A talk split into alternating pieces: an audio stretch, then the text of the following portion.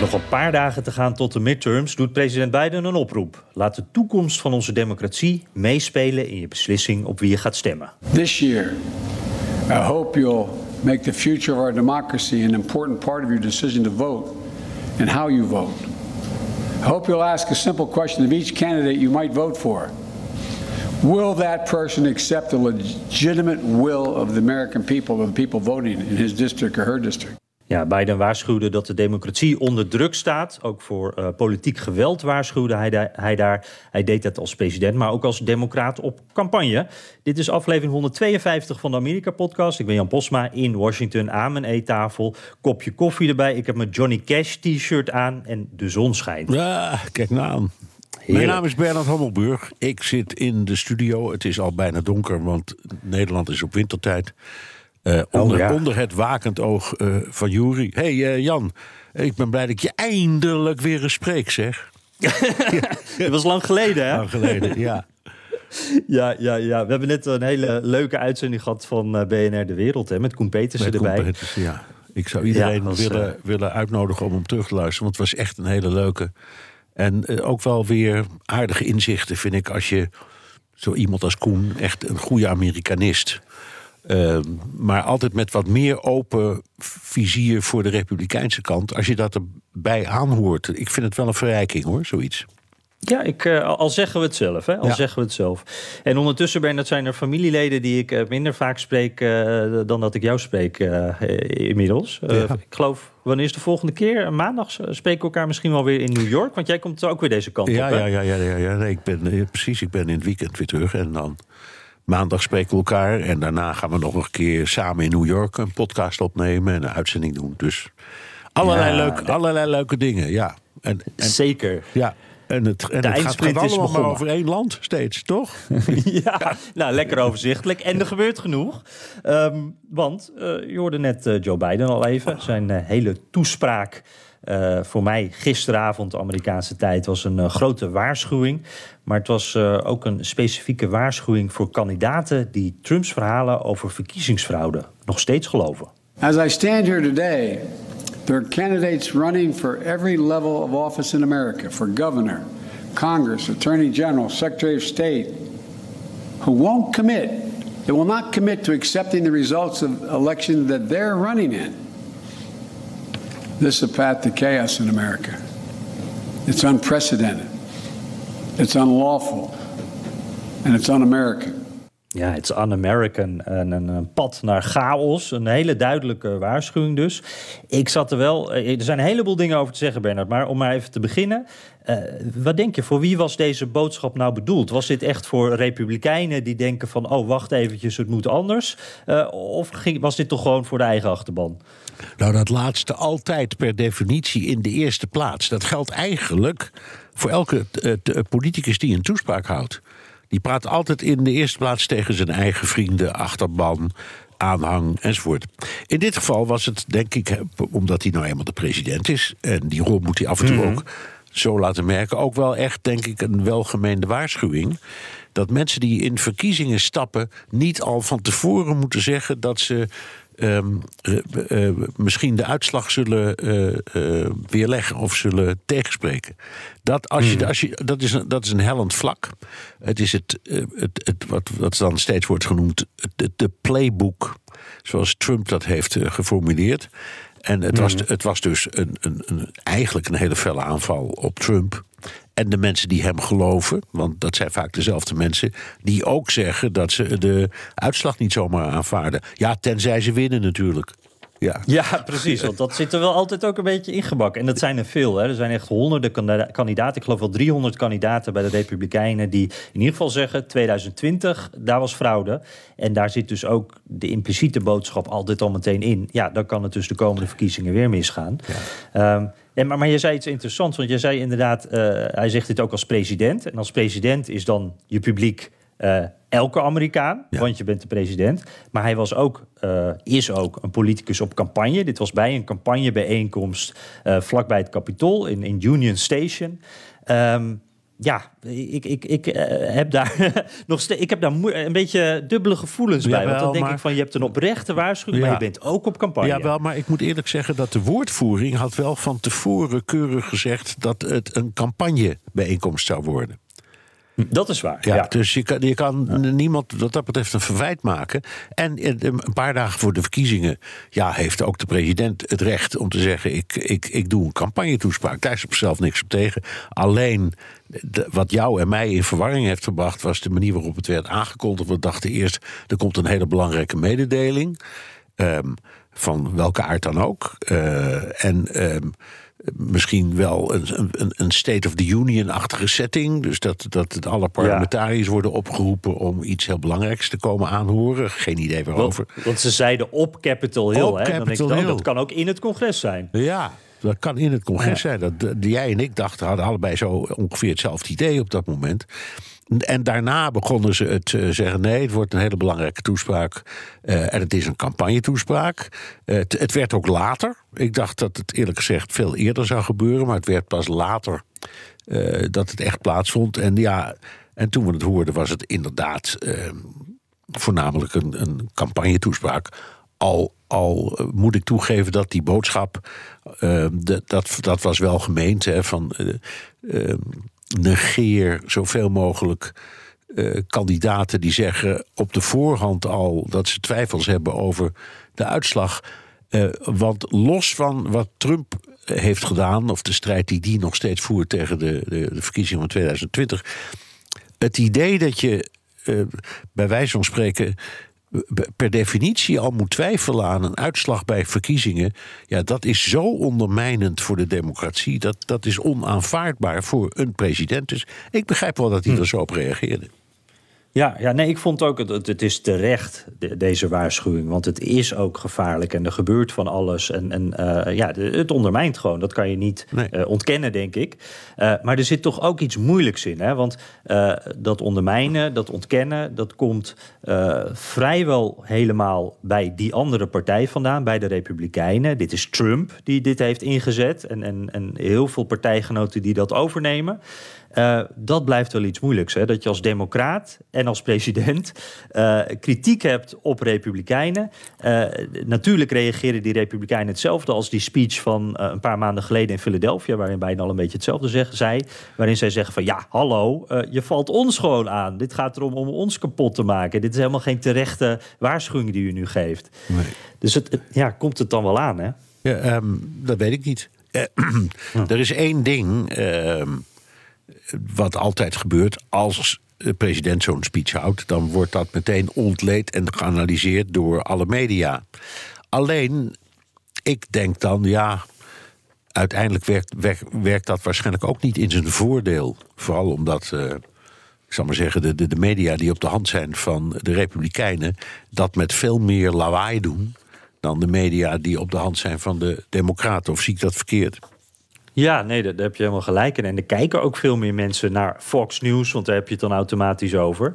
Uh, dus die krijgen daar veel meer van, van mee. Fox News zond bijna de hele speech uh, uit. Dat, dat viel me mee, want dat, dat doen ze niet altijd. Maar uh, ik vond de reactie na afloop, echt meteen na het einde van de speech, die vond ik heel typerend. toen zei de presentator, ja, niemand gaat aan deze verkiezingen twijfelen, want de democraten gaan gewoon keihard verliezen. Was the president the United States confessing that he's he's about to get wiped out a week from now.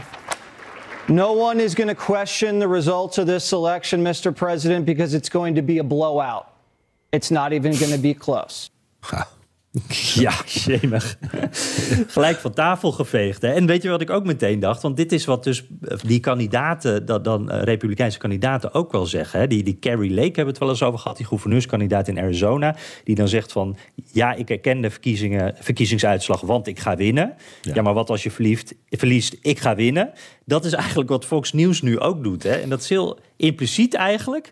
Maar daarin zit ook al een beetje in van... wij kunnen niet verliezen. Als we verliezen, is het fraude. Of zoek ik er nu wat te veel achter? Nee, nee, ik, dat is precies, precies de redenering, ook de redenering van, van Trump. En ook eerlijk gezegd van Trumpisten die wij in, in die, eh, tijdens die verkiezingen eh, van twee jaar geleden ook hoorden zelf, mensen met wie we spraken, dat herinner ik me nog heel goed toen wij met onze uitzendingen bezig waren en ook in de voorbereiding Ehm, Dat het, het verhaal, het narratief was eigenlijk... Hoe, het, hoe kan het zijn dat een man die zoveel tien of honderdduizenden mensen juichend op de been kreeg midden in een pandemie.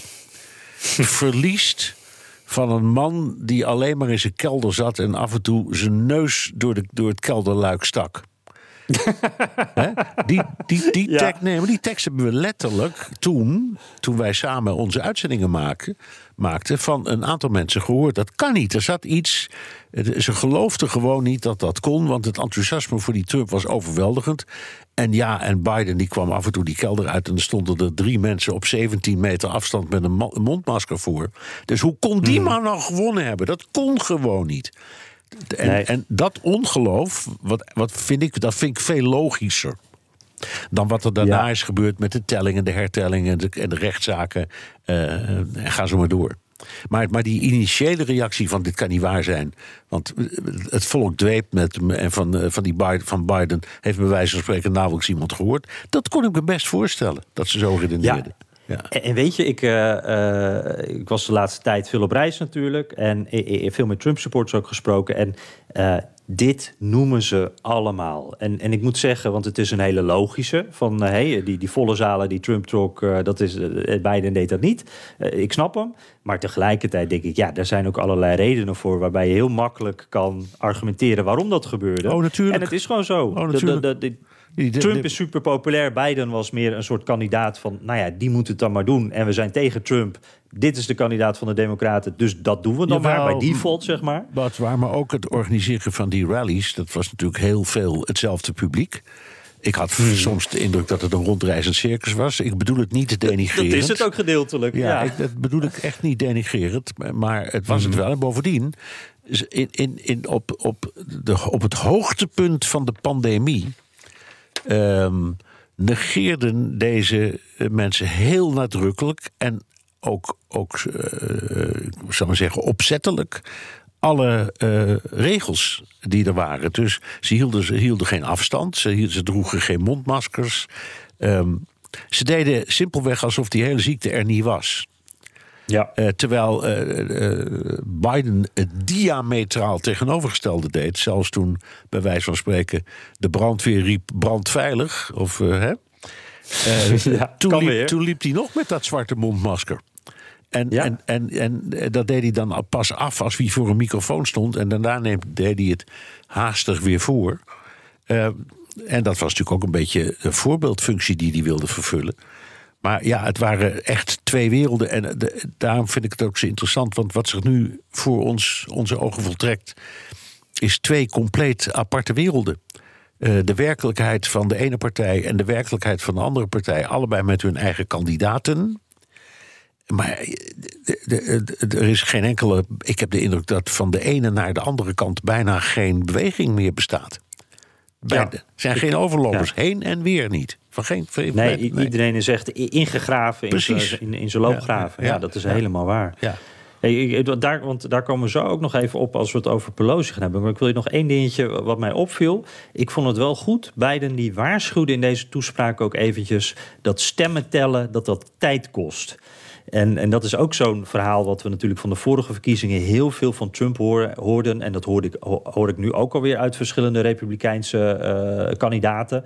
Eh, van ja, eh, stemmen van verkiezingsdag, die tellen. En daarna, dat, dat, dat, dat is echt, dat werkt alleen maar fraude in de hand. Dat klopt niet, dat is raar. En eh, dan is het ook nog zo van, eh, oh, ze hebben in 2020 ook nog meer eh, stemmen voor democraten gevonden in de nachtelijke uren. Dus dat was wanneer het misging.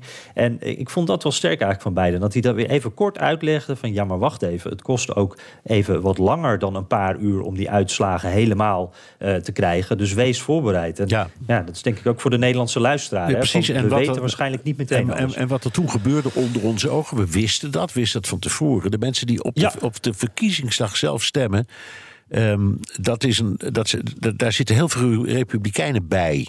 Om alle mogelijke redenen, omdat het voornamelijk platteland is, omdat het weet ik wat makkelijker bereikbaar is. Wat het is, is het. Maar de, de stemmen die daarna komen, dat zijn meestal de stemmen per post. En dat is, is vaak in de meerderheid democraten. Dus eerst, eerst leek het alsof Trump gewonnen had. Dat maakte het ook zo ingewikkeld. En pas later Mhm. bleek door, die, eh, door al die post die binnenkwam... dat dat toch niet zo was. En als je eenmaal wantrouwend bent, denk je... kijk, dit is het bewijs. Ja, zie je Hier, wel. hier, dat, dat moet gesjoemeld zijn. Kan niet anders.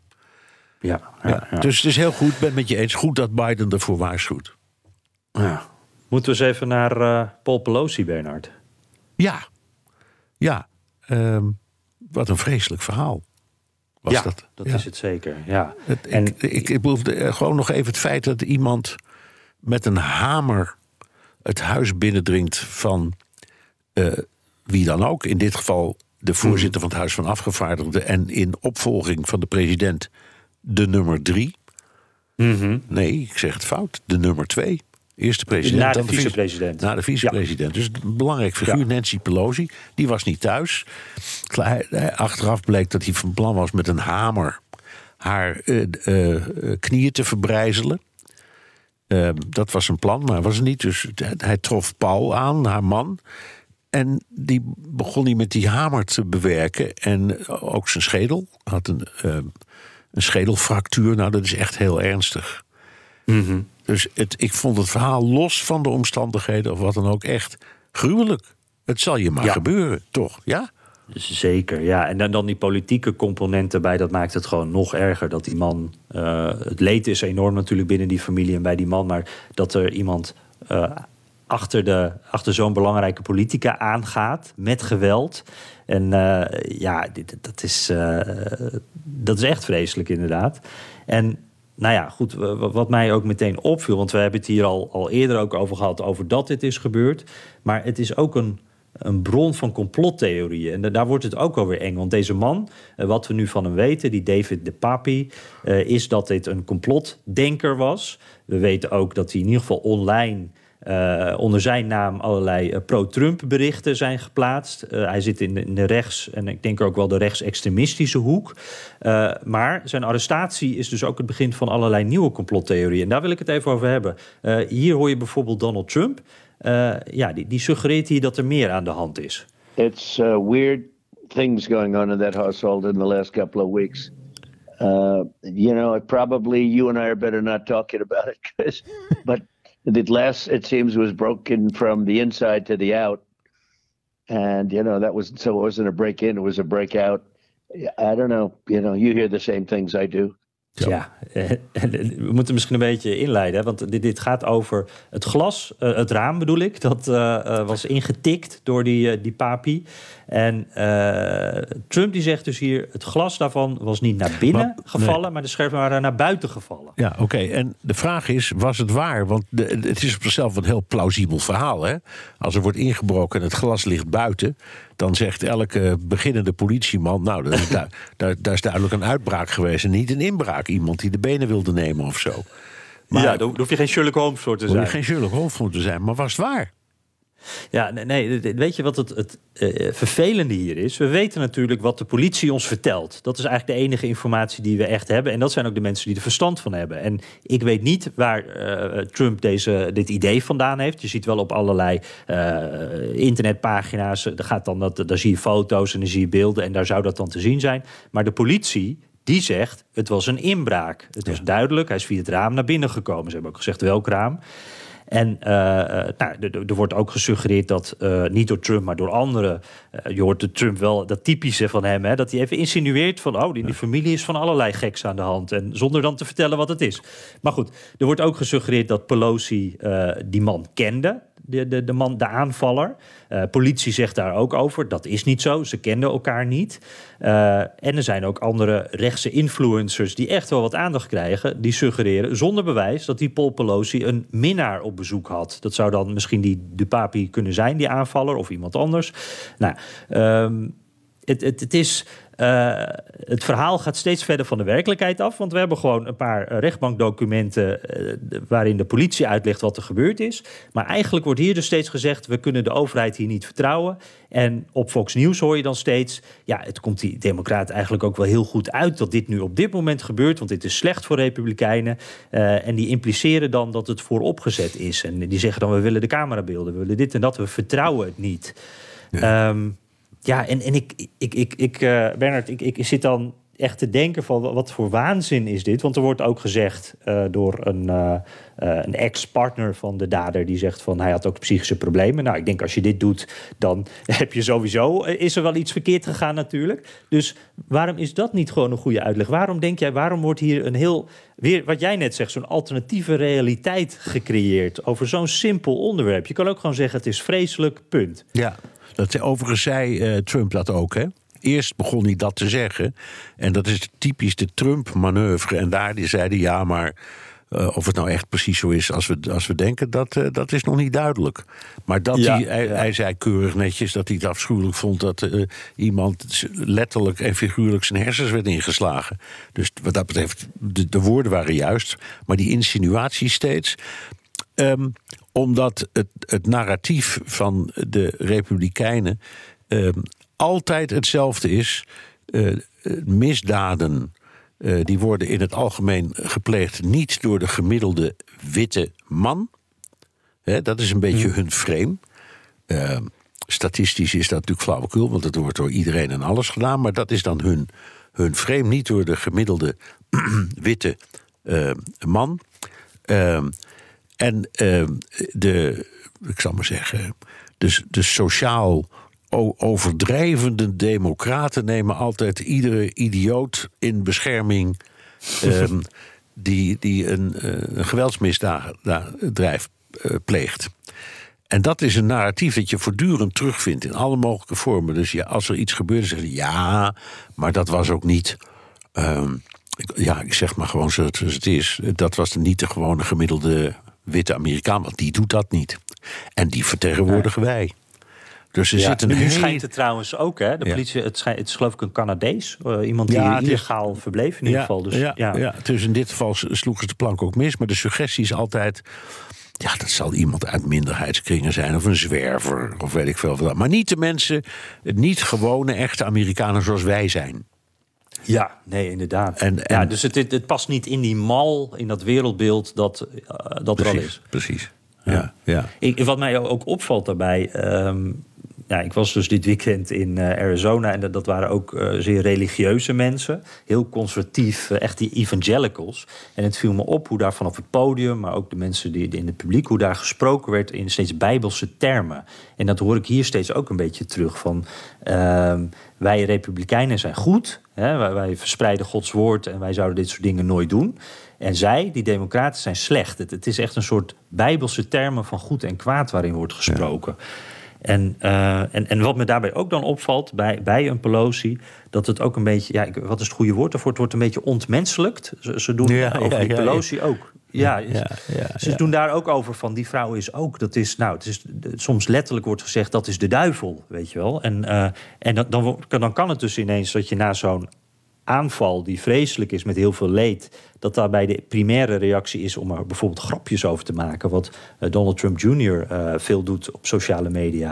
Het is echt zo hard allemaal. Ja, spijkerhard. En, maar de suggestie is altijd: ehm, dit is een gek. En gekken zijn per definitie eh, democraat. Of worden per definitie door democraten beschermd. In bescherming Ja. genomen. Dus zo'n verhaal van eh, ja, nee, er waren misschien omstandigheden. Ja, zo'n zo'n zo'n frame, dat, het komt standaard. Bij, bij alles wat, alles wat elke, elke tegenwerking die ze ondervinden, waarbij je zou zeggen, nou, dit is toch echt wel een heel lastig probleem. Dat op de een of andere manier weten ze dat altijd om te draaien. En dan, voor, als je niet uitkijkt, dan eh, voordat je het woord, het woord, woord blijkt Kamala Harris achter een complot te zitten om Nancy Pelosi te vermoorden. Ik noem maar iets. Kunnen ze, ze, ze kunnen het zo verzinnen hoor. Echt waar. Ja, precies. Ja, Ja, en, dan, ja, ja, ja. en als je maar hard genoeg roept, ja, dan eh, op een bepaald moment dan, dan wordt het ook geloofd, toch? Ja, ja nou dat, dat is nu wat, want dan past het in dat bestaande beeld en dan kan je er wat aan toevoegen en dat klopt dan ook weer. Maar eh, wat nu eigenlijk zo is, denk ik, Bernard, we, we kunnen niet meer normaal naar nieuws en naar feiten kijken. Eh, waaronder dus dit: een, een, een aanval op, een, eh, op, het, op de man van een politicus. Ja, het wordt meteen meegetrokken in die politieke strijd eigenlijk. Ja, ja. Nou ja, ik denk altijd, misschien zijn er mensen die naar geen van die kabelnieuwsstations kijken. Want die hebben dan misschien nog een redelijk leven. Maar als je moet, als je moet afgaan, inderdaad, op uh, in dit geval Fox News, uh, maar ook als het omgekeerd is, ook op MSNBC en CNN. Ja, we, op, waar krijg je een, een, een, beeld dat een beetje klopt? Hè? Nou, je, je, kent mijn stokpaardje. Uh, kijk naar PBS en luister naar NPR. Dan, dan kom je echt niks tekort. En dan krijg je keurig netjes je nieuws en de achtergronden bij elkaar. Ja, ja dat, de meeste mensen vinden dat niet. Uh, dat schreeuwt, het schreeuwt niet hard genoeg. Nee, precies. Dat, uh, nee, want de meeste mensen kijken toch, zoals we zo vaak zeggen, naar uh, Fox News. Dat is de belangrijkste. Ja, dus, ja. ja. hey Bernard. Um, er, was nog, er waren twee berichtjes die mij opvielen deze week. Um, een beetje zijpaadje in het campagnegeweld. Uh, maar dat gaat over Trump en over Biden. Um, die twee berichten kregen allebei veel aandacht. Ze lijken ook wat op elkaar. Ik lees ze allebei even heel kort voor. Mag jij daarna reageren? Uh, eerst persbureau AP. En dat gaat over Donald Trump. Achter de schermen wordt gewerkt aan de lancering van Trumps campagne voor 2024. Dat zou al snel na de midterms kunnen komen, mogelijk in de twee weken na 8 november, dus verkiezingsdag al. Dat wordt als het perfecte moment gezien, want dan kan hij meeliften op de successen van de Republikeinen bij deze verkiezingen. Ja. Dan de Washington Post over Biden. Biden werkt stilletjes, maar duidelijk aan de voorbereidingen voor een potentiële campagne. De president en zijn vrouw hebben overlegd met een kleine groep adviseurs over hoe ze de campagne voor 2024 kunnen opstarten. Vergaderingen zijn ingepland omdat Bidens team voorbereid wil zijn op de aankondiging van Trump, die in de komende weken verwacht wordt. Nou, uh, ik uh, vraag me hierbij dan meteen af. Dit komt niet voor niets naar buiten, denk ik. Maar komt dit nou, wat denk jij? Is dit, zijn dit de journalisten die hier nou op zoek zijn? Of is dit ook de campagnes? Zijn dit de campagnes die dit ook lekken? En waarom doen ze dat? Nou, ik, ik, denk dat laatste. Uh, en er zit ook enige logica in omdat als Trump al overweegt om kandidaat te worden, daar hebben we het al eerder over gehad in de Amerika-podcast, dan moet hij dat niet voor de verkiezingen doen, maar daarna. Uh, mm -hmm. dat, dat, is waarschijnlijk voordelig. Het nadeel van zo snel je kandidaat stellen. is dat je, ja, dat heet dan uh, te vroeg pieken, hè, geloof ik. Uh, ja. ja. dat je dan jezelf uit, op een bepaald moment tegenkomt. En bovendien, op dat moment gelden ook de campagneregels. Dus dan mag je niet meer onbeperkt geld inzamelen en allerlei dingen niet meer doen. Dan moet je je aan die regels houden. Dus ik, als ik Trump was en zou willen meedoen aan uh, de campagne van 2024, dan zou ik zelf zeggen: ik, ga, ik, ik zou steeds die zinnetjes gebruiken van. Nou, ik ben er hard mee bezig en ik overweeg het en ik ga gauw beslissen. Mm -hmm. Al die dingen die hij al een tijdje doet. Maar zolang mogelijk volhouden, want dan kan de kassa blijven rinkelen. En anders niet. Ja. Maar op zichzelf als dat, dat ze achter de schermen inderdaad deze strategie hebben, dat geloof ik. En dat Biden dat ook doet, geloof ik ook om, de, om, om, om iets wat jij mijzelf al een paar keer hebt uitgelegd. Als je naar peilingen kijkt. Uh, en Trump en Biden zouden beide meedoen, heeft Biden een grotere kans dan Trump om te winnen. -hmm. Dus ik ja. denk dat ze, dat ze, dat ze. De luisteren gewoon naar de Amerika-podcast natuurlijk. Daar. Uiteraard. Ja. ja. Nee, maar ik denk dat inderdaad die redenering erachter zit. Van dan moeten we ook snel toeslaan. En dan weten we dat Biden uiteindelijk uh, een grotere kans heeft dan Trump. Dus nu dan maar. Ja. Dat denk ik. En, en waarom, Waarom denk je dat, ze dan, dat dit dan nu naar buiten komt? Denk je dat dit ook weer een manier is om, om de, de, de stemmers, om de eigen achterban enthousiast te maken over uh, het stemmen op 8 november? Ja. Dat dit weer eventjes. Ja? ja, natuurlijk. Kijk, als je nu zegt uh, Trump gaat waarschijnlijk uh, kandidaat worden, dan is iedereen die in die republikeinse mallenmolen zit, ook de, de, de, de, de kiezers die misschien ietsje verder weg staan, misschien toch extra gemotiveerd. Van nou laat ik die partij dan maar steunen. Want we zien het licht in de toekomst aan de horizon. Ga zo maar door. Uh, en hetzelfde geldt voor, omgekeerd voor de Democraten. Die moeten zeggen: wacht even, dan moeten we ons schrap zetten, want de klap komt gauw. En we moeten ons antwoord gereed hebben. Dus tactisch is het helemaal geen slechte. Of het gebeurt, hm. geen idee. Nee, precies. Dat, uh, er zijn maar twee mensen die dat echt weten. En vooral in het geval van Trump dus, uh, Trump en Biden. Ja. Ik, ik moet ook wel, ik denk steeds van, ja, als je dit maar blijft insinueren... dan houd je natuurlijk ook die concurrenten weg. Hè? Dan haal je een beetje de zuurstof uit, uh, uit, uit de kamer. En dan zorg je ervoor dat anderen ook niet kunnen. Nee, nee. Oké. Okay. Jan, we onderbreken de ja. Amerika-podcast even voor een zeer belangrijke mededeling. Jan, zullen we naar de luisteraars vragen? Ja. ja. Je kunt een vraag aan ons sturen via mail of via de Amerika Podcast WhatsApp.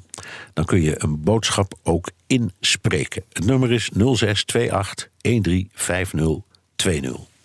Ja, maar hou die voiceberichten graag wel binnen de ongeveer, ongeveer 30 seconden. En ook de andere berichtjes via WhatsApp en als e-mail probeer daar niet hele boekwerken van te maken. Want het is altijd lekker als we die gewoon zo mee kunnen nemen. Hoeven er ook niet in te knippen, weet je zeker dat die goed meekomt. Um, ja, Bernard, we beginnen even met iemand en dat is een verhaal apart. Nick Welbers. Uh, ik weet dat hij zit te luisteren. Uh, zeer uniek geval dit. Want uh, Nick heeft namelijk vorige week al de mok van ons gekregen. Of tenminste, hij is onderweg, die mok, denk ik. Maar hij heeft in ieder geval gewonnen voor deze vraag die we zo gaan noemen. Maar we hebben die vraag nog helemaal niet meegenomen. En Nick die stuurde mij al een berichtje van... Nou Jan, ik hoorde al een beetje de twijfel in je stem. Ja, dat klopt inderdaad. nou is het zo, en ik, ik doorbreek nu eventjes de radio en de podcast magie, Bernard. Dat mag eigenlijk niet, hè? Nee, dat mag niet hoor. Nee, dat mag niet. Maar ik zeg toch maar even kort. Uh, we hadden vorige keer wat problemen met de verbindingen. Uh, mijn verbinding met name. Uh, er was iets waardoor die steeds wegviel. En dan moesten we steeds overnieuw beginnen. Of tenminste, dan pakken we hem gewoon weer op waar we gestopt zijn. Maar op een bepaald moment wist ik niet meer helemaal wat we nou aan vragen nog gedaan hadden en niet. En, en ik had wel al bedacht dat ik dit een van de leuke vragen vond. Dus vandaar, Nick. en het was een heel moment, hè. Bernard, jij gooide nog met je koffiemok naar Jury. Ik gooide met mijn koffiemok het raam uit. Uh, het was uh, allemaal heel frustrerend en heel moeilijk. Maar ik hoop dat je daar als luisteraar niks van gemerkt hebt. Um, en nu, dus alsnog, de mok winnende vraag. Um, en uh, daarin uh, vertelt hij ook uh, dat hij vaste luisteraar is, Nick. Dat is natuurlijk ook een reden waarom hij die, die mok wint. Hè. Maar ja. in aflevering 150 hebben jullie gesproken over de zwevende kiezers in Amerika. Die riep twee vragen op. Weten jullie hoeveel kiezers ongeveer zwevend zijn? En de tweede vraag. In Nederland kun je tussen zoveel partijen kiezen... en is switchen dan ook snel en makkelijk gedaan. Hoeveel kiezers switchen van partij in Amerika en doen ze dit vaak? Zo. Goeie vraag vind ik. Dat is inderdaad een hele goede vraag. En ik ben blij dat hij de mok heeft gewonnen. Uh, ja. Want het is misschien wel de allerbelangrijkste kwestie die speelt in verkiezingen in elke democratie. Waar zit de zwevende kiezer en hoe halen we die binnen? Um, in, in de, vroeger was het zo, laten we zeggen, voor de periode Bush. Als je een beetje teruggaat in de tijd, voor Bush 2. Voor, voor die periode was het aantal zwevende kiezers, ik geloof wel een derde van het totaal. Dus er waren heel veel mensen, vaste republikeinen en vaste democraten. Die kregen niet los. Maar er waren ook een heleboel mensen die zeiden: Nou, ik ga eens rustig afwachten hoe, het, hoe de debatten lopen. Um, ik laat me nog eens eventjes voorlichten. Ik ga nog eens naar een avondje. Of ik, ik lees de krant er nog eens een keer extra over na. Of ik vraag in de kerk aan de dominee wat die ervan vindt. Alle mogelijke, ja. dingen, alle, alle mogelijke dingen die gebeurden.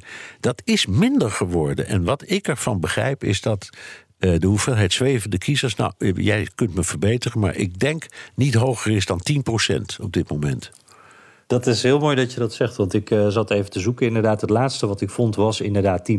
Het wisselt een beetje, maar rond de 10%. En verder zit iedereen gewoon vast. Ja. I iedereen weet al in welk kamp je zit en dat gaat niet meer veranderen. Nee, nou is op, uh, ik denk, uh, meer dan 250 miljoen gerechtig, stemgerechtigden... Ja is 10% best de moeite waard hoor. Dus die, ja, je moet, ja. en, en ze vechten daar terecht om en voor. Uh, en dan de andere vraag, die hangt ermee samen. Uh, switchen mensen vaak? Nee. Uh, dat is in Amerika, tenminste de mensen die ik ken, die roepen altijd: I'm a lifelong Republican of I'm a lifelong Democrat. En als je dan zegt, goh, kijk je dan af en toe niet naar, eens, naar de onderwerpen en laat je beïnvloeden voor, voor een andere partij, dat is bijna onbespreekbaar. Maar, en ik weet niet hoe dat nu ligt, maar ik denk dat dat nog meer het geval is dan vroeger. Ja, interessant. Ja, ja. Denk, dat denk ik, ik weet het niet. Ik heb, ik heb geen enkel zeg, wetenschappelijk middel om dat te onderbouwen, maar ik denk het wel. Ja, en wat, wat ook meespeelt, dat, dat, dit blijft ook best wel lastig. Hè? Want er zijn mensen die zeggen, oh, ik ben levenslang republikein. En, en volgens mij, als je het dan nakijkt, dan blijken er ook best wel wat uitzonderingen te zijn ja, geweest. Ja, de, de, leukste was dat, Ronald Reagan natuurlijk. Want die zei vaak in toespraken... Uh, dat is natuurlijk een, de, de, ja, een van de beroemdste republikeinen ooit. Maar die zei vaak in een toespraak: ja, de Democraten zullen het er wel niet mee eens zijn. Want die denken dan in dit geval altijd dat en dat en dat. Hoe weet ik dat? Omdat ik zelf zo lang lid van de Democratische Partij ben geweest. Ja, dus die ja, draaide het ja, om en die maakte daar grappen van. Uh, en zo heb je er natuurlijk meer. Ja, ja zeker. Dus dat, uh, nou, leuke vraag dus. Uh, en uh, die mok is, als het goed is, al naar jou onderweg. Nick, dank. Um, een audiovraag dan van Bart van den Putten. Hallo. Ik luister graag naar jullie podcast. Maar ik heb één pertinente vraag altijd als het over Amerika gaat. Is een land waarin de doodstraf in de wet staat wel een echte democratie? Volgens mij niet. Vriendelijke groet, Bart van der Putten. Ja, Oeh, dat is een zware vraag. een hele zware vraag. het is een heel bekend punt. Ik heb hem ook wel eens voorgelegd, bijvoorbeeld aan in, in, in- als ik een interview heb met de minister van Buitenlandse Zaken in de wereld, dan leg ik die vraag ook wel eens voor als wij ehm, met een grote internationale crisis zitten. Eh, en, en je moet dan kiezen welk land je, je in eh, voor welke partij je kiest in zo'n conflict. En soms zijn dat partijen die zelf ook niet helemaal deugen of de doodstraf nog hebben. Er zijn heel veel landen die de doodstraf nog hebben. En dat roept dan weer de vraag op: moet je daar dan wel normale betrekkingen mee willen onderhouden? En dan wordt die lastig, want eh, het land met dat meer mensen ehm, eh, executeert dan alle landen bij elkaar opgeteld is China. Ehm, En met China hebben toch bijna alle landen gewone betrekkingen. Ik zeg dat als, als, als achtergrond om te zeggen: ja, dat is hoe je over dit soort dingen denkt, is niet altijd een criterium. Ehm, is een land wel of niet een democratie als het de, no- de doodstraf kent? Ja, ik, ik, ik denk eerlijk gezegd, strikt genomen is het antwoord ja, omdat het volk dat zelf zo heeft gekozen. En, en de vraag of de doodstraf ehm, niet onmenselijk en veel te ver gaat, die worden, werd ook al door de framers eh, gest- gesteld. Want in, in, in, in de Bill of Rights, dus de, aanhangs van de, van de eh, grondwet, staat dat je eh, geen buitengewone straffen mag toepassen en ook niet buitengewone pijnlijke dingen mag doen. Hè. Dat staat gewoon in beschreven. En dit is allebei wel. En ja, ehm, ik, het, het, het is en blijft een hele lastige. Is het misschien niet meer of het past in een rechtsstaat? Is dat eigenlijk niet meer de vraag die ja, eigenlijk zouden jawel, maar dat is eigenlijk parallel. Want een, een, een, een democratie wordt geacht een rechtsstaat te zijn. Ehm, en ik, ik ben het ermee eens. Dit verzet zich tegen, nou ja, in elk geval tegen, tegen de, de moraal ook, denk ik, tegen de juridische moraal. En daar zijn praktische redenen voor om dat te vinden, omdat zo vaak, en dat is de laatste jaren heel veel aan de orde geweest. Zo vaak blijkt dat mensen die eh, levenslang hebben gekregen, of zelfs de doodstraf, achteraf niet eens schuldig blijken te zijn. Ja, Eh, ja. En dat is een bepaald percentage van alle gevallen. Die zijn ten onrechte veroordeeld. Eh, er, zijn, er is ook een organisatie voor die in Amerika die zich daar heel erg druk over maakt. En met heel veel succes. Ehm, dus alleen daarom zou je vanuit democratisch eh, en ja, rechtsstatelijke redenering al moeten zeggen. dan kun je die do- doodstraf beter niet toepassen, zelfs al staat die in de boeken. Want ja, misschien maak je, de, maak je een fout. Hè? Ja. Ja, en- en zo en- zorgvuldig gaat het niet altijd. Nee, eh, zo zorgvuldig gaat het niet. dus, Nee, eh, nee, zo is het. Nee. Goeie vraag, eh, Bart. Eh, Peter dan, eh, die zegt... jullie hadden het een tijdje geleden over Tulsi Gabbard... die weg is gegaan bij de Democratische Partij. Dat is dat oud-congreslid en ook uit Hawaii... en zoals ook presidentskandidaat voor de Democraten in eh, 2020... Hè, of eh, 2019 dan. Hoe zit dat bij de midterms? Als een kandidaat gekozen is en na zijn verkiezing besluit... om een Tulsi uit te voeren, tussen aanhalingstekens... blijft hij dan gekozen of gaat de positie naar de partij? En hoe zit het bij de presidentsverkiezingen? Heel simpel, het is precies zoals in Nederland. Je bent zelf gekozen. En ehm, het, het- het- dat staat beschreven in de grondwet. En het woord partij komt in de grondwet niet voor. Ook niet in de Nederlandse grondwet trouwens. Ja. Dus, dus een partij is iets wat later is verzonnen. En die, die hebben dan allemaal regels bedacht. Maar daar kun je geen woord over vinden in de grondwet. Dus het antwoord is nee. Die blijft dan gewoon lid van het congres. Duidelijk. Ja. Eh, laten we naar eh, een audiovraag gaan. Harry van der Geest. Hallo Bernard en Jan. Harry van der Geest hier. Mijn vrouw en ik zijn op roadtrip van het diepe zuiden van Alabama naar San Antonio, Texas. En natuurlijk zijn we halverwege gestopt in Nederland, Texas. Erg leuk. Hier in Texas, bij The Alamo, heb ik veel geleerd over de geschiedenis en ook meer begrip gekregen voor hun streven naar eigen identiteit. Maar mijn vraag gaat over iets heel anders. We rijden hier dus dwars door de Bijbelbelt. En Nederland kent ook zo'n Bijbelbelt. Wij vroegen ons af wat de verschillen, maar vooral ook de overeenkomsten zijn tussen deze twee Bijbelgordels. Ik hoor het graag. Veel succes met de podcast. Groeten. Oei, oei, oei. Dan, nou, ik, ik, ik zeg, ik, ik wijfel, omdat je heel snel op. Je, je gaat op glad ijs, hè, als je dit soort dingen Ja. doet. En, en voordat En, en, je. voordat ik ken je de Nederlandse Bijbelbelt niet zo goed, moet ik eerlijk zeggen. Nou ja, dat, dat is dan in het algemeen de Veluwe bijvoorbeeld. En, en, Mhm. en in de omgeving van Rotterdam en in Zeeland heb je van die delen die wij rekenen on- onder de Bijbelbelt. Ehm, maar je moet heel erg uitkijken, omdat voordat je het vinden die mensen dat wat je zegt blasfemie is. En eh, de, de, de Amerika-podcast is er niet uit, op uit om mensen te beledigen, om, eh, om pijn te doen. Ehm, en bovendien, we zijn ook geen religieuze deskundigen. Maar ik denk dat er wel degelijk een verschil bestaat tussen de evangelische beweging in de Verenigde Staten en die in bijvoorbeeld Nederland. En dat is een algemeen. Dat geldt eigenlijk voor alle Amerikanen en alle Nederlanders als je ze vergelijkt. Het, ehm, het idee van mega eh, fanatisme zit niet zo heel erg in de Nederlandse genen. En dat heeft te maken ook met de geschiedenis. Het is een klein land dat altijd open heeft moeten staan voor anderen. En ook onze Bijbelbelt eh, is, heeft altijd uitstekende contacten... en ook altijd uitstekende contacten gehad met andersdenkenden. Dat moet, anders eh, dan kun je niet overleven. Terwijl in de Verenigde Staten die Bijbelbelt, ja, dat is ongeveer, dat, dat is bijna de helft van het land met een enorme hoeveelheid eh, inwoners. Dus de machtsfactor is daar veel groter. Ehm, En ook de neiging om, ehm, ja, ik zeg het, de, de, het, het fanatieke. ehm, zoals we dat in, bij heel veel van die televisiedominees bijvoorbeeld zien. Ja, dat is iets wat je in, in Nederland maar heel. Het is er wel, maar, maar niet veel. Ze zijn invloedrijker, de, de, de, de evangelicals in Amerika. Dat kan Ja, je wel natuurlijk. zeggen. dat kun je wel zeggen. Ja, omdat, ja, omdat ze hebben natuurlijk destijds eh, onder Ronald Reagan een, een conctie gesloten. En eh, in dit gev- geval is het woord conctie zelfs juist, juist gebruikt. Voorzichtig. Re- religieuze overeenkomst. Hè? Eh, Maar eh, ehm, ze hebben een conctie gesloten destijds. eh, Ronald Reagan en Jerry Falwell, dat was toen de, de, de, de voorman en woordvoerder van die hele evangelische beweging. En die overeenkomst luidde: ehm, jullie ehm, republikeinen omarmen ons, de evangelisten, en wij zorgen dat je de stemmen krijgt. En dat is ook gebeurd. En daardoor is Ronald Reagan gekozen.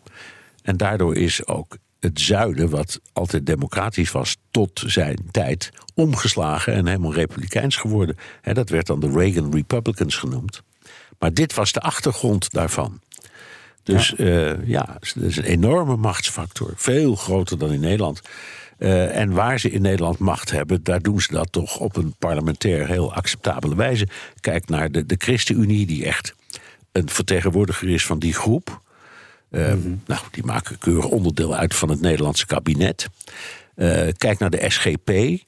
Ehm, dat is een partij eh, met een meneer Van der Staaij... die zijn naam voornamelijk heeft te danken aan zijn excellente kennis... over eh, de, de, de werking van het parlement. Veel meer dan uit zijn religieuze over, overtuiging. Dus bijvoorbeeld als er ruzie is tussen Kamerleden... dan zegt de voorzitter altijd... meneer Van der Staaij, hoe zit het ook weer? En dan kan. ja, echt. Dus, dus, Ja. dus dat is niet te vergelijken met, met die, die verbeten vorm van, eh, re- re- van religieus fanatisme. zoals je dat in de Verenigde Staten veel ziet. Ja, en waarbij mij ook wel opvalt dat eh, in Amerika, of in die Bijbelbelt in Amerika, dat daar de, de politieke strijd eh, en de religieuze identiteit wel zo hand in hand gaan dat die erg in elkaar overgelopen zijn. Ja. Eh, en daar hoort soms een heel harde, eh, harde taal bij en een harde, harde standpunt. En ik, ik heb het gevoel, maar ik ken de Nederlandse Bijbelbelt minder goed, maar dat dat iets zachter is qua toon. Ja, En, bovendien eh, hebben, dat is ook nog zoiets. De Nederlandse Calvinisten, want daar praten we over, hè, daar sluit het bij aan. Die hebben toch een heel sterk gevoel dat je het uiterste moet doen om kerk en staat te scheiden. Weliswaar zeggen ze: wij doen ons werk op basis van onze christelijk-religieuze over- overtuiging. Maar het is niet zo dat ze de verwarring maken dat dat hetzelfde is als het, het politieke bestuur. Dus ze kunnen, Ja, dat heel ja, goed, precies. ze kunnen dat heel goed uit elkaar houden. Ja. En dat is hier wel echt, eh, dat was wel anders, maar ook eh, aan het veranderen volgens mij. Ja. En, en ook het gevoel van mededogen, de, de barmhartige Samaritaan, dat soort dat gevoel, dat, ik zie het hier eh, minder. Maar goed, Ja. ehm, Ja, laten we uh, een leuke vraag in ieder geval. Uh, wie Kane uh, staat erboven? een vaste luisteraar, altijd goed.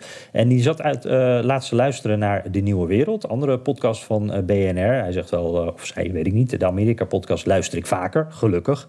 En dat ging toen daar over de middenklasse in Nederland en hoe belangrijk de middenklasse is. Letterlijk een verbindende factor in een land. Bij de, die podcast werd gezegd dat Amerika vrijwel geen middenklasse meer heeft. Wat is jullie idee hierover? Um ik begrijp wel de vraag, omdat de kloof tussen arm en rijk zo, zo, zo snel groter wordt. Niettemin hmm. denk ik dat ook voor Amerika geldt dat de middenklasse is waar het hele eiland op drijft. Ik geloof nog steeds, dat geloof ik echt. Ehm, ja, ik dus ik ben het oneens met die stelling. Ja, het, het, is wel zo dat het inderdaad uh, dat, dat er dingen afbrokkelen. En, en de middenklasse heeft het moeilijk, maar hij is er zeker en is, is, is, er zeker wel. En ook, ook in Amerika is, is wat, wat inkomsten betreft... de economie drijft op het midden- en kleinbedrijf, net als bij ons. Hm, ja, duidelijk. Uh, Arjan, wat vinden jullie van de stelling dat Mr. Joe Biden... de meest daadkrachtige naoorlogse president van de USA is geweest... afgezet tegen de tijdsgeest en los van PR. Wat voor journalisten nogal belangrijk eh, is, zegt Arjen. die PR. Maar daar moeten we dus even niet naar kijken. Ja, meest daadkracht. Ik moet meteen ook aan uh, uh, Johnson denken. Ja, Johnson. Ja, onze was... persoonlijke favoriet. Ja. Nou ja, wat dat betreft, omdat hij zoveel wetgeving door het parlement heeft gekregen. En ook hele controversiële, moeilijke dingen. Zoals afschaffing van de apartheid. Dat waren hele grote dossiers. Maar ik denk, ja. Ehm, ik, ik, ik denk ook aan Harry Truman, zo net na de oorlog. Eigenlijk net in de mhm. oorlog nog geworden, maar net na de oorlog. Uh, Ronald Reagan. Uh, in een economische crisis en inflatie. Ja, Richard Nixon, die is dan weliswaar hopeloos gestruikeld, maar het was best een daadkrachtige uh, president. Ehm, Bill Clinton. Bill Clinton heeft niet zo verschrikkelijk veel op zijn naam kunnen zetten, maar ook, dat was ook wel een daadkrachtige man. Dus ik denk dat het in. En wat dacht je van, dacht je van ehm, Donald Trump? Hoe, hoe, je, hoe, je, ook over Donald Trump denkt, daadkrachtig is hij. Ja, ja. precies. Ja, je zou misschien, maar dan wordt de formulering ook iets anders wel kunnen zeggen dat Donald Trump niet zo efficiënt zijn daadkracht. Uh, nee, nee, nee, nee. Zo bedoel ik het. Nee, ik bedoel niet. Het is niet, maar, maar, het is wel is echt een Ik weet ook niet of Arjen dat zo bedoelt. Ja, ja, precies. En, en uh, om, om dan even terug te komen naar Biden. Staat Biden dan, uh, wat jou, ik vind dit een hele moeilijke zeg meteen maar, maar staat hij dan in de top, zoals uh, Arjen een beetje zegt, of in de subtop, of bungelt hij ergens onderaan? Waar, waar plaatsen we hem? Nou, ik, ik, ik, moeilijk. Ik, pla ik, plaats hem in het onderste segment.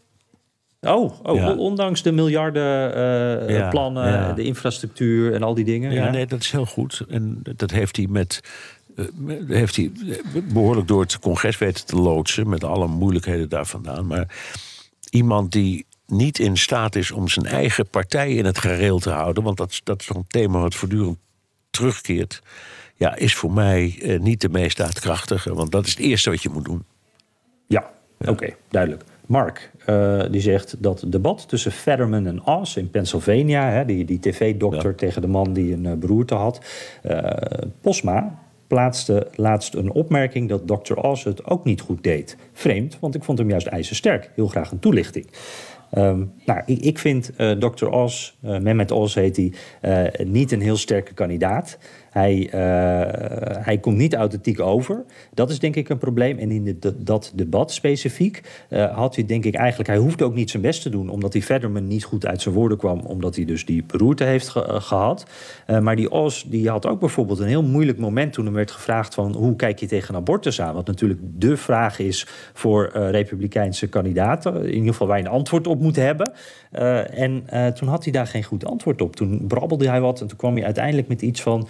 Uh, ik parafraseer hoor, maar het is tussen de vrouw, de arts en de lokale politiek om dit te regelen. Uh, en hij bedoelde daarbij niet de federale staat.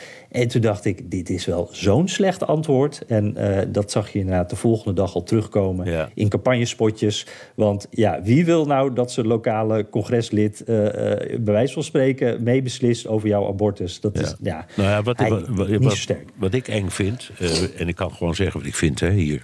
We zijn toch Uiteraard, elkaar. niemand hoort het. Ja. Maar ik hou niet van kwakzalvers.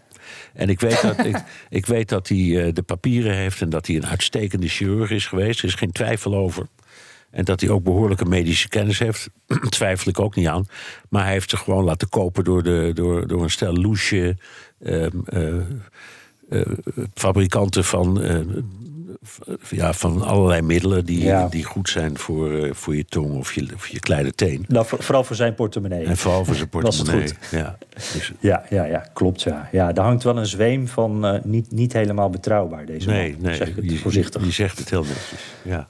ja, precies. Hey, eh, Dirk van Gestel, die zegt, even kijken. oh ja, we hadden het er eerder over gehad, over die uitzondering op hoeveel eh, zetels er zijn... eh, voor, voor staten eh, in, in de Senaat en het Huis. Dat was zo'n klein misverstandje. Maar het maakt ook verder niet uit. En naar aanleiding daarvan, want dat hebben we al eh, opgelost... maar naar aanleiding daarvan vraagt hij... eh, Washington is toch een uitzondering, want die eh, heeft geen vertegenwoordiging. Waarom is dat eigenlijk? Ehm, die heeft wel vertegenwoordiging, hè? alleen die mogen niet meestemmen. Precies. Maar die, ja. hebben, die hebben dus drie leden in het huis. Ehm, en dat kun je terugvinden in het aantal eh, kiesmannen dat uiteindelijk de, de eh, presidentsverkiezingen beslist. Want dat zijn er drie meer dan de parlementariërs zijn. Het komt omdat het geen staat is.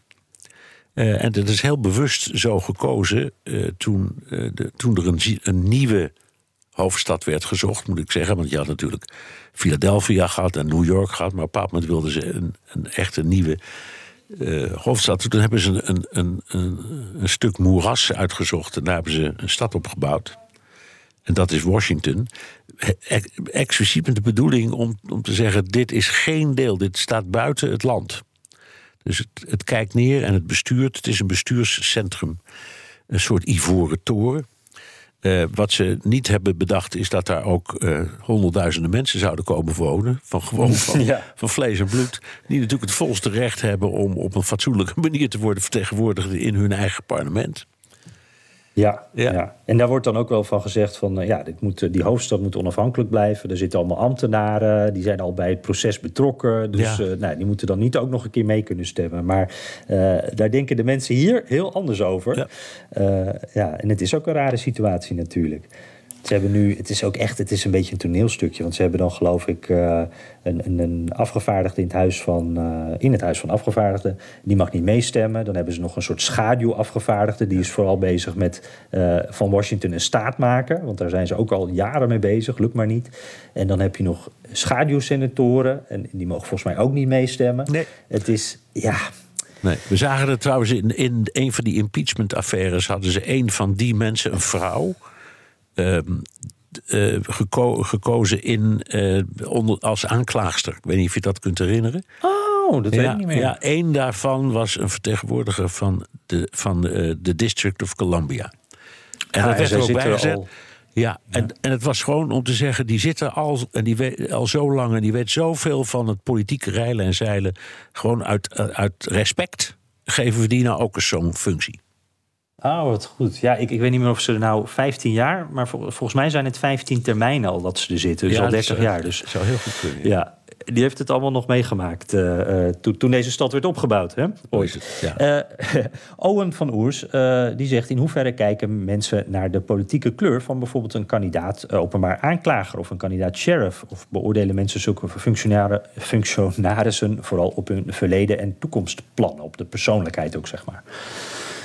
Ja. Dat is wel een goede vraag. Ja. Ik heb namelijk zelf het gevoel, Bernard. eh, ik zie eh, heel vaak eh, de laatste tijd borden langs de weg waarop dan staat vote Republican of vote Democrat. Vooral veel Rep- Republikeinen die Ja. dat doen. En dan Ja. gooien ze eigenlijk allemaal op één hoopje en zeggen ze van joh, pak overal maar Republikeinen. En dan maakt de persoon wat minder uit. En ze zitten ook zo vast in hun partijen, zeiden we net al. Maar ja, k- k- het verschilt eh, natuurlijk ook ik- heel erg per ik- plek ik- en ik- persoon. Ik, heb ooit, eh, ik had een vriend, eh, helaas overleden, al heel lang geleden, maar die was rechter in de staat New York. Ehm, en die is uiteindelijk ook lid geworden van het Hoge Rechtshof van de staat New York. En eh, die was eh, de, democraat, maar een voorstander van de doodstraf. En zijn campagne die ging helemaal over de doodstraf. Dus de, de, de bordjes die in de tuin stonden gespijkerd, daar stond zijn tronie op. En dan, en dan eh, supporter of the death penalty. En dan daaronder een klein blauw dingetje met zijn naam erop. Ja. En dat vertelt het Ja, verhaal, ja. vind ik, op een geweldige manier. Ja, die- heeft ja, dus ook ja. gewonnen toen. Ja, jemig. Ja, dat kan, kan je in Nederland niet voorstellen. Kun je niet voorstellen. Nee. Nee, nou goeie. Hey, zullen we, eh, ja, ik, ik- wij moeten allebei zo verder. Hè? Ja, Eh, zullen we er nog eentje? Ja, Eh, Ro- tuurlijk. kunnen we Roderick nog eventjes doen?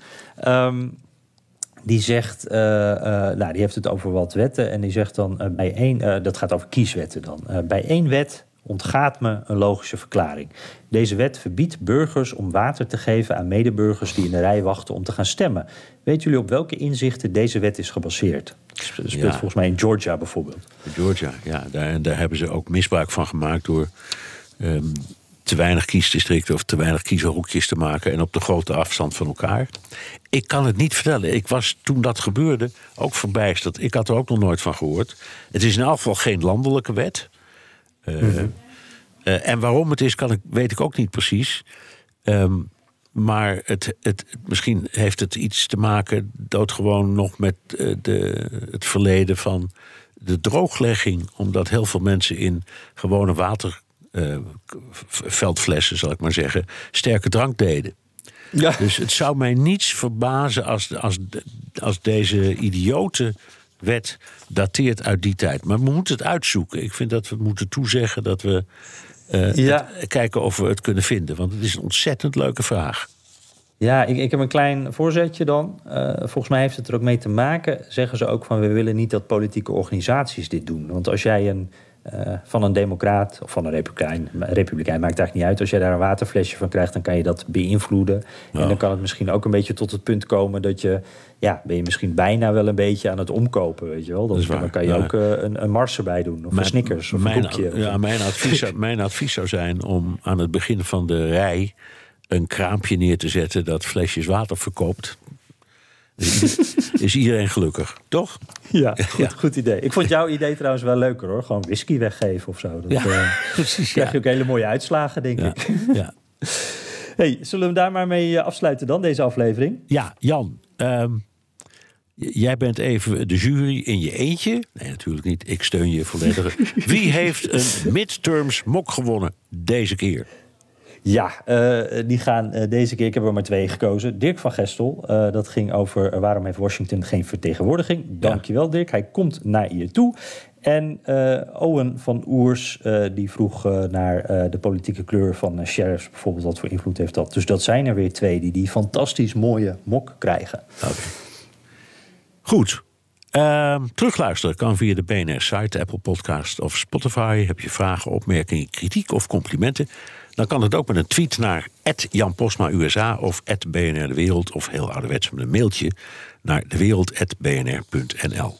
En je kunt je vragen ook inspreken of intikken op de Amerika Podcast WhatsApp 06 28 13 5020. Welk platform je ook kiest, zet behalve je naam ook je advies, je adres, sorry, in de tekst. Ja, dat is een heel goed advies. Eh, ja. en, want dan maak je natuurlijk kans op die eh, inmiddels ook net zo beroemde als de gewone Amerika-podcast eh, Koffiebeker. Dit is de speciale midterms-editie. En Bernard, ik kijk er al naar uit, want volgens mij maandag, als alles goed gaat, hij is een wederdienende, dan zit ik bij jou aan de eettafel in New York. Hè? Gezellig. Ja, leuk. En dan Ja. gaan we de eindsprint inzetten. Ik En heb er zin in. eh, Ja, en eh, ik, ik neem zo'n mok voor je mee. Ik heb, er- ik heb er eentje achterover weten te drukken. Oh, fantastisch. Ja, oké. Nou, dit, eh, dit wordt iets bijzonders. Oké, Tot maandag. Hoi. bye.